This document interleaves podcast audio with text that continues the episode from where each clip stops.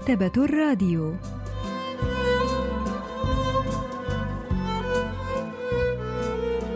أهلا وسهلا بكم في حلقة جديدة من البرنامج الأسبوعي مكتبة الراديو الذي نستعرض من خلاله كتابا جديدا كل أسبوع.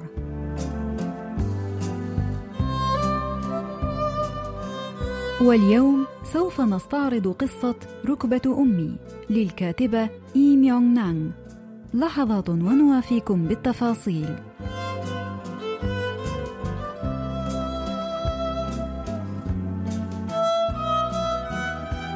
نشرت قصة ركبة أمي للكاتبة إي ميونغ نانغ عام 2004 وتبدأ القصة في اليوم الذي وضعت فيه شقيقة البطلة طفلها.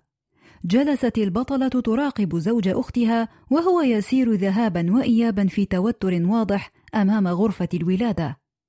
قالت السيدة باك: عندما تحبل امرأتان من نفس العائلة دائما ما تضع واحدة منهما فتاة، وهذه القاعدة تصدق حتى إذا حبلت بهيمة في مزرعة في نفس وقت حبل زوجة المزارع. لا تخيب هذه القاعدة أبدا مهما حدث مطلقا.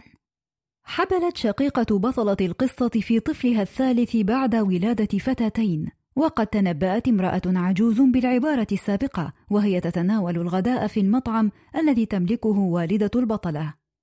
تحولت حياتي إلى جحيم بعد ذلك. إذا كنت حبلى في طفلي الثاني ماذا لو وضعت شقيقتي فتاة أخرى ووضعت أنا ولدا آخر؟ سيكون هذا فظيعا. كان لبطلة القصة دورا كبيرا في قرار شقيقتها بأن تجرب الحمل لمرة ثالثة. بعدما ولدت فتاتين عن طريق الولادة القيصرية.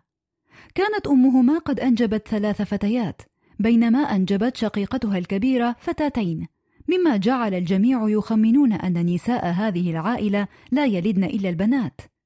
كان هذا قبل أن تضع بطلة القصة ولدا وهو ما أصاب الشقيقة الكبرى بالاكتئاب. كانت والدة البطلة تشفق على ابنتها الكبرى وزوجها ولكنها لم تستطع أن تخفي حبها الكبير لحفيدها الوحيد. خذي هذه قبل أن تراها شقيقتك. ماذا لو شعروا أنني أحب ابنك أكثر؟ كانت أمي كثيرا ما تعطيني الملابس التي اشترتها لحفيدها الوحيد من السوق. لم تكن أمي تحب الأطفال الصغار ولم تكن تحسن رعايتهم. ولذلك كان من المدهش أن أراها تنادي ابني بالجنرال العزيز كلما حملته بحنان بين ذراعيها. استطاعت بطلة القصة أن تخفف من شعور أمها بالذنب من إنجاب البنات حصرا عندما وضعت هي أول صبي في العائلة. ولكن شقيقتها الكبرى حملت من جديد وكأنها تعلن التمرد على والدتها.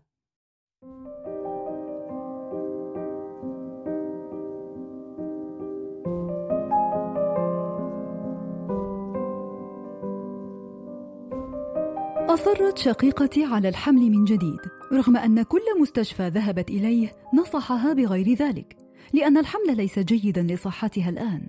ولسبب ما لم يكن من الممكن إجراء التخدير لها.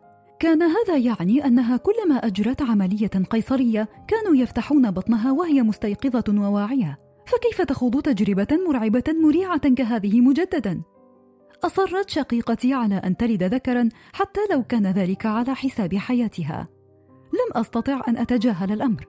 كنت قلقة من أن تلد فتاة أخرى وكنت أقلق من احتمال أن تحدث مشكلة ما أثناء الجراحة ومن تخيل الألم الرهيب الذي تتعرض له شقيقتي مع إجراء الجراحة دون مخدر.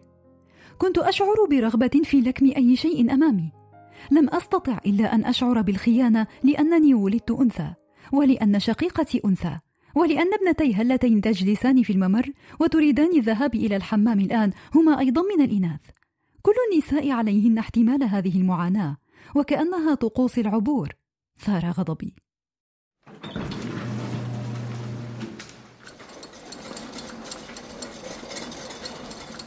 بدت شقيقتي كالموتى وهم يحملونها على النقالة. وبينما انهمكت أنا وزوجها في مسح دموعنا تأثرا بمظهرها المرعب جاءت ممرضة وهي تحمل الرضيع الذي أرادته شقيقتي بشدة لدرجة أنها خاطرت بحياتها لأجله.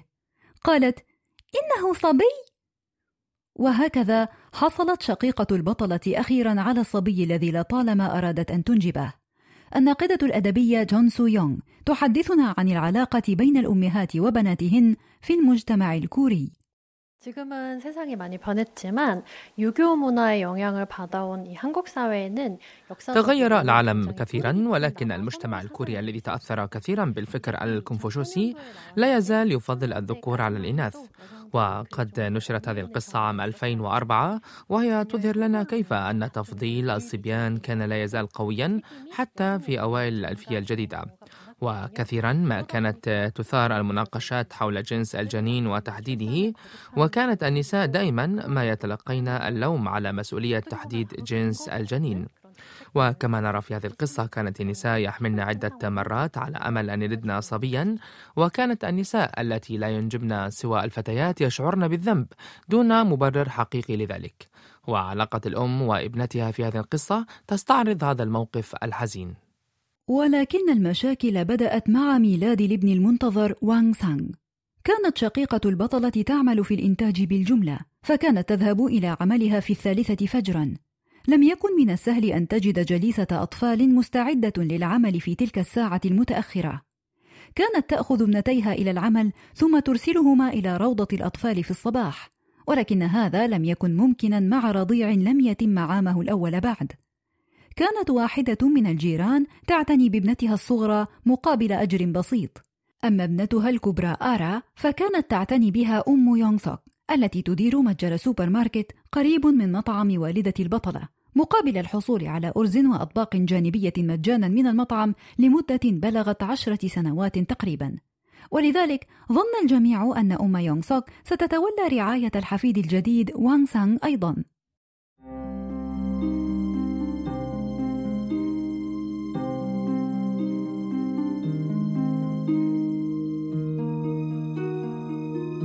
ولكن هذا لم يحدث.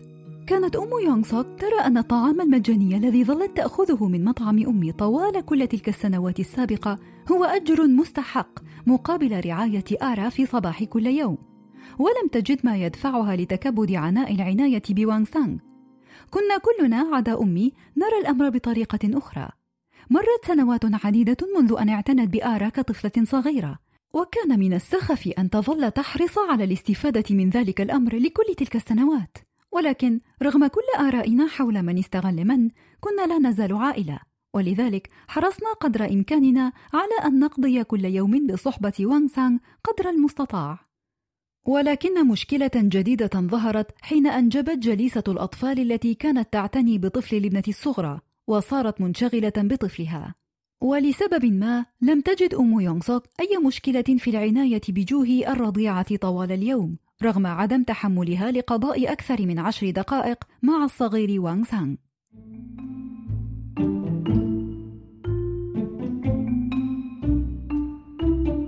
كان يوما شديد الانشغال في السوق. اصطحبت أمي وانغ سانغ إلى جليسة الأطفال الخاصة به إذ كان عليها أن تقلي السمك في المطعم في ذلك اليوم. وبعد أقل من عشرين دقيقة عادت أم يونغ سوك إلى المطعم وهي تحمل وانغ سانغ قالت بضاعتنا يتم توصيلها الآن. راحت أمي تركض هنا وهناك في عجلة. كانت تحاول أن تقلي السمك وتخدم الزبائن وهي تحمل وانغ سانغ على حمالة الظهر في الوقت ذاته. سألتها إحدى النادلات لماذا لا تستطيع أم يونغ سوك الاعتناء بوانغ سانغ؟ إنها تلعب مع جوهي الآن وقد كانت تبلي بلاء حسنا مع جدتها.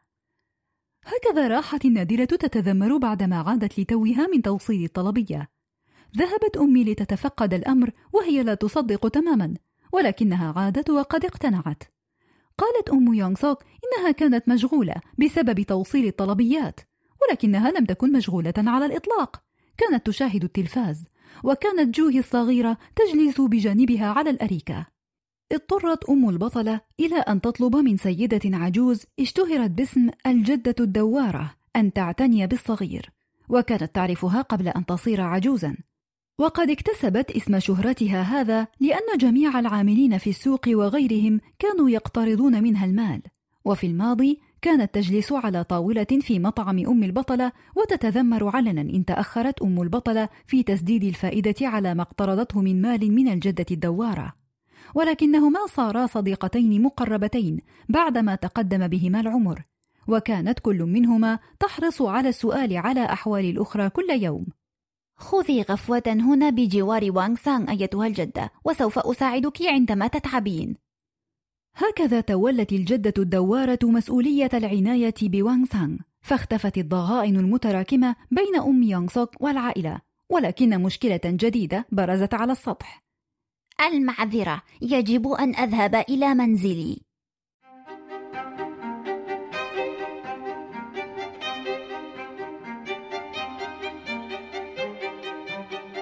كانت الأعذار الواهية التي تتحجج بها الجدة الدوارة متنوعة وكثيرة فكانت تدعي أنها لا تستطيع قضاء حاجتها إلا في حمامها الخاص فكانت تذهب إلى منزلها دائما لذلك الغرض. وكانت تذهب إلى منزلها أيضا كي تعد الغداء لحفيدها وغابت يوم بحجة مقابلة طبيب رحالة. ثم طلبت بعض المال لتدفعه أجرة للحافلة التي ستستقلها كي تحضر حفل عيد مولد شقيقها الستين. قلت لأمي أرسلي وانغ سانغ لإحدى دور رعاية الأطفال يا أمي. فردت ومن سيضعه في فراشه ليلا لينام. أنت؟ لن يكون النوم إلى جواره مهمة صعبة. لم تتظاهر حتى بأنها تسمع ما أقول. تجاهلت أمي عدم جدية الجدة الدوارة في الاعتناء بالصغير ولذلك صارت أعذارها أكثر تفصيلا. وهكذا لم يعد أمام والدة البطلة إلا أن تتلطف في معاملة أم يونغ التي كانت تأتي إلى المطعم من حين إلى آخر كي تأخذ الطعام وأن تتحمل سلوك الجدة غير المحتمل. في ذلك اليوم ذهبت الجدة مرة أخرى إلى المنزل كي تقضي حاجتها. كانت قد قضت الليلة السابقة في منزلها مدعية أنها أصيبت بالإسهال. ثم تهربت من المكان فور أن أنهت تناول فطورها في المطعم. في حوالي الرابعة عصرا عادت شقيقتي وزوجها إلى المطعم كي يريا وانغ سانغ. كانت جدته تحمله على ظهرها وكان هو يلعب في أذنيها. كانت أمي تحاول تذوق عصيدة السمك حين شد وانغ سانغ أذنيها بقوة. كادت تسقط على ظهرها. ركضت شقيقتي وزوجها تجاه أمي. ماذا تفعلان هنا؟ كان من الممكن أن تذهبا إلى منزلكما مباشرة. هيا اذهبا لتناما.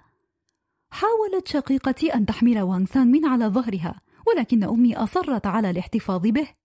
عندما سئلت أمي عن مكان الجدة الدوارة بدأت في الدفاع عنها فورا. قالت لقد رحلت لتوها لم تمر عشر دقائق منذ أن رحلت. أخبرتكما أن تذهبا. اتركاه معي.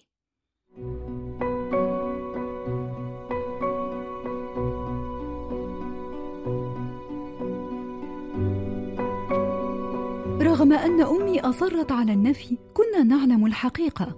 كنا نعرف أنها كانت تغسل الأطباق وتخدم الزبائن طوال اليوم وهي تحمل وانغ سانغ على ظهرها. ورغم أنها نفت بشدة كل ذلك أكدت لنا ركبتها المتورمة الحقيقة. كانت ركبة الأم اليمنى متورمة للغاية حتى أنها بدت وكأن نحلة قد لدغتها. وعندما رأى زوج ابنتها ركبتها نكست رأسها وراحت تبكي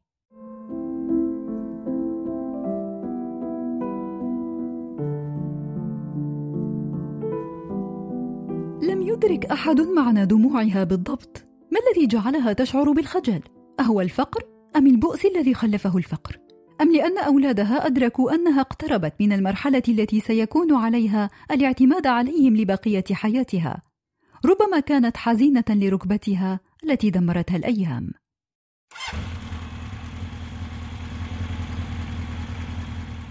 أدار زوج شقيقتي محرك دراجته البخارية. كانت أمي تعرج على ساقها المصابة. راحت تعض على شفتها السفلى وكأن الألم كان يزداد سوءا في كل مرة تدوس فيها على الأرض. اختفت الدراجة البخارية التي كانت تحمل وانغ سانغ ووالديه عن الأنظار. ظلت أمي تتبعها وهي تعرج وتدلك ركبتها اليمنى المتألمة.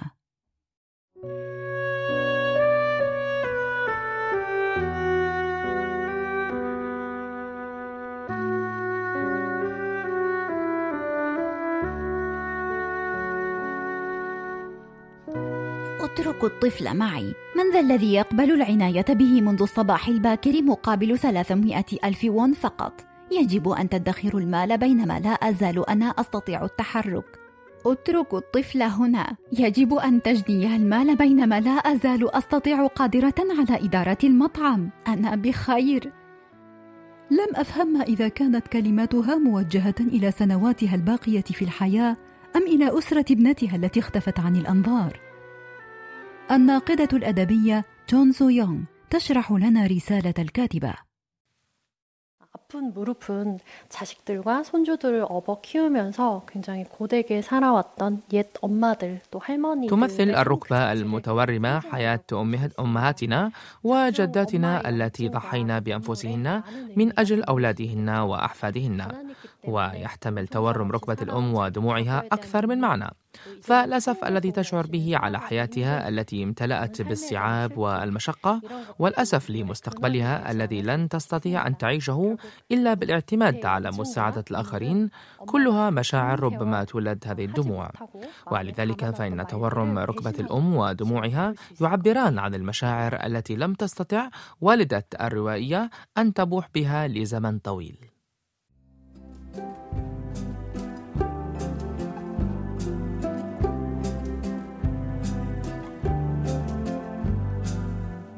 استعرضنا معا قصة ركبة أمي للكاتبة إي ميونغ نانغ.